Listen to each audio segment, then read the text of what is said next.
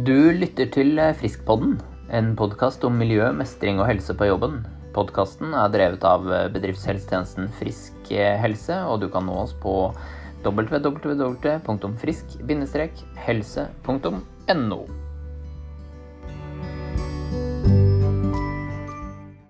Det er tid for ny pod, Elisabeth. Det er det, Espen. Og i dag så skal vi snakke om et tema som heter frykt og redsel. Og det er jo ikke et sånn veldig lystig tema, for så vidt.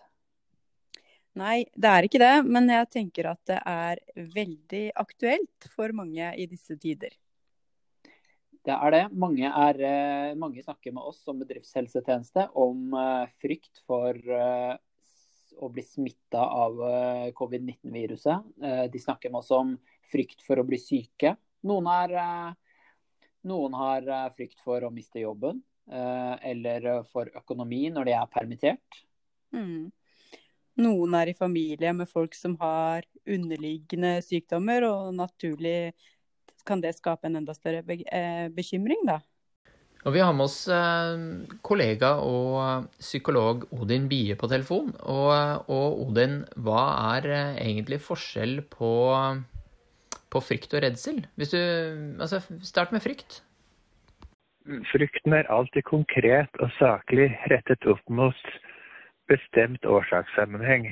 En, en konkret hendelse eller mulighet for hendelse.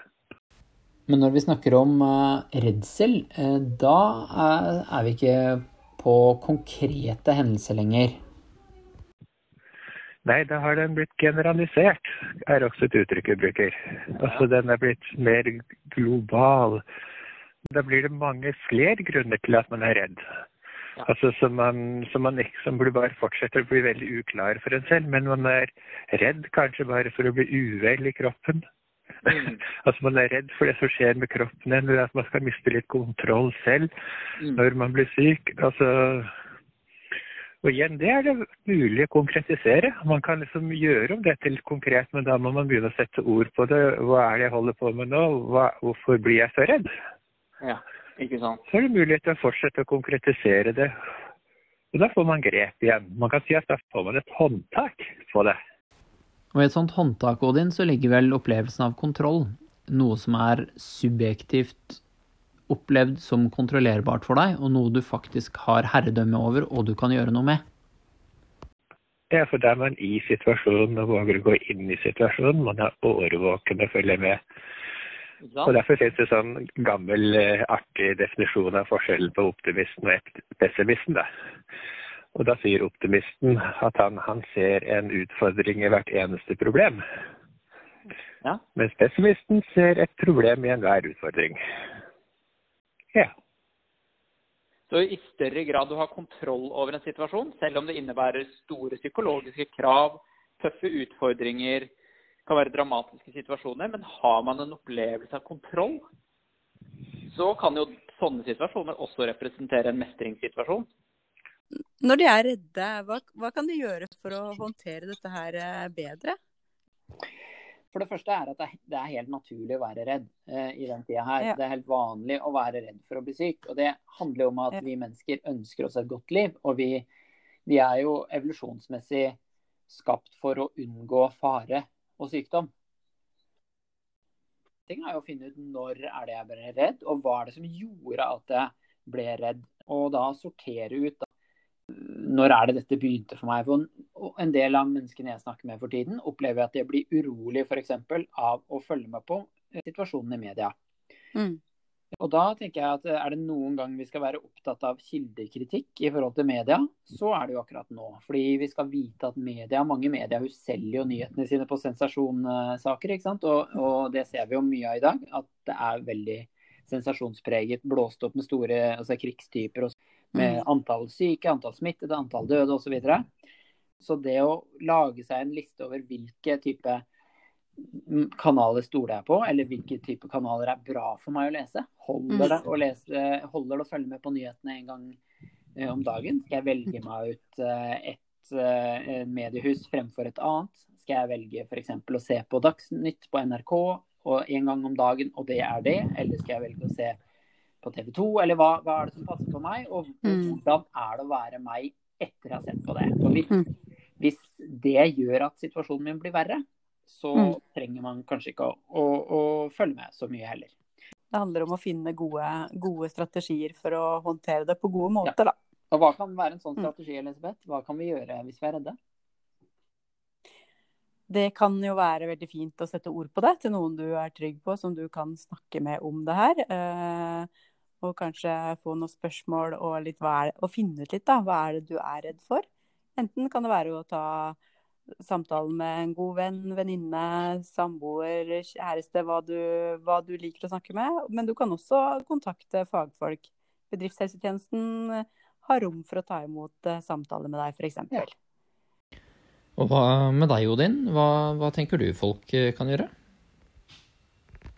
Tillat deg jo selv å være mer lykkelig. Her og nå. Flytt oppmerksomheten bort ifra tomheten, det som er litt ulag inni deg. Fra å overføre det til å bekymre for, for framtida. Om det å bekymre seg, så er det jo sagt på en fin måte at det er å sitte i en gyngestol. Man kommer ingen vei, men man har det noe å gjøre. Det er tomgangskjøring. Er det noe galt med folk fordi at de er redde for den situasjonen vi er i nå? Vil du, vil du si noe om det? Absolutt ikke. Eh, Jeg tenker at, eller absolutt, jeg kan da si noe om det. Ja. Men jeg tenker jo ikke, det er ikke noe galt med, med folk, men jeg Nei. tenker at det er helt, eh, helt naturlig um, Ja. Mm. å være bekymra. Og så tenker jeg at det er viktig at hver og en av oss nå også har litt sånn selvovervåkning i forhold til uh, hva er det, hvordan får jeg det av uh, å, å ta de valgene jeg gjør, og er det andre valg jeg kan gjøre. Og så er det viktig å, å huske på at følelsen redsel, det er bare en følelse. Og som Ja. sønnen min eh, på tolv år snakka om, jeg snappa det opp i en bisetning det han sa her om dagen, og sa han det er ikke så farlig å være litt redd, vet du, sa han. Eh, og det tenker jeg at det er veldig, det er mm. veldig godt eh, tenkt. Eh, Det er ja, fint. det er fint. Og det er litt sånn eh, trøst, tror jeg, for mange i disse dagene. At om man er litt redd, Ja. det er ikke så farlig i seg sjøl, det. Det er bare en følelse. Og følelser, det, de går over.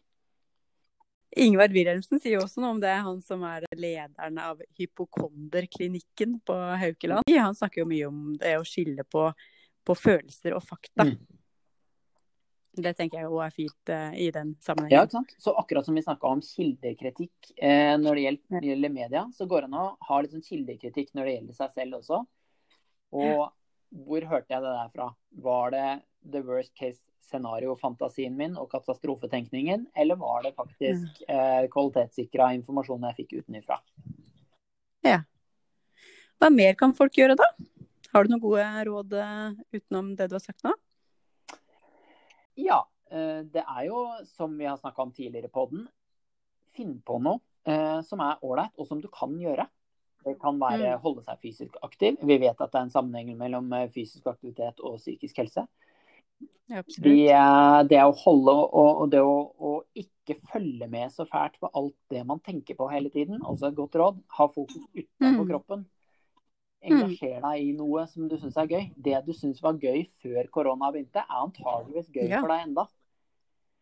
Så hvis Ja. du liker eh, å spille spill, så er det jo fint å spille spill. Liker du å drive i hagen, gjør det. Det er en ypperlig anledning til å lære seg litt om eh, småfuglene i hagen eller eh, sånne type ting. Det er veldig mye som faktisk går an å gjøre nå. Og nå er det jo åpna litt på muligheten igjen. ikke sant? Så nå det å Mm. bruke natur, som har vært ålreit hele veien, det er jo i hvert fall mulig nå.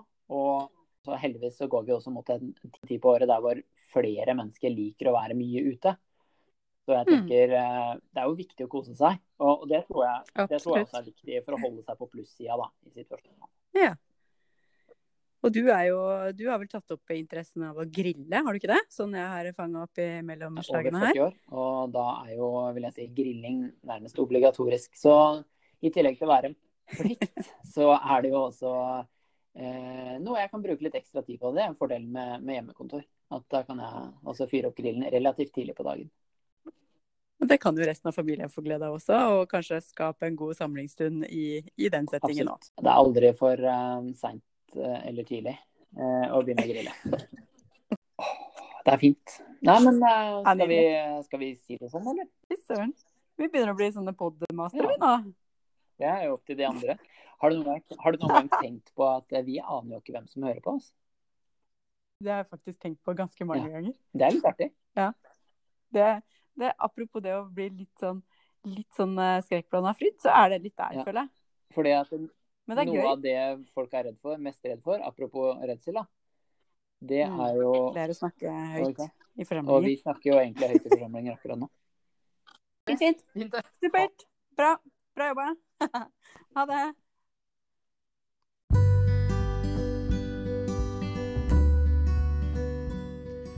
Du har hørt på Friskpodden, en podkast om eh, miljø, mestring og helse på jobben.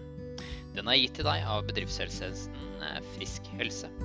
Er det noen av temaene som du ønsker å snakke mer med oss om? Eller har du innspill til temaer vi skal ta på podden? Ta kontakt med Espen, alfakrøll, friskhms.no, eller Elisabeth, med th, alfakrøll, friskhms.no.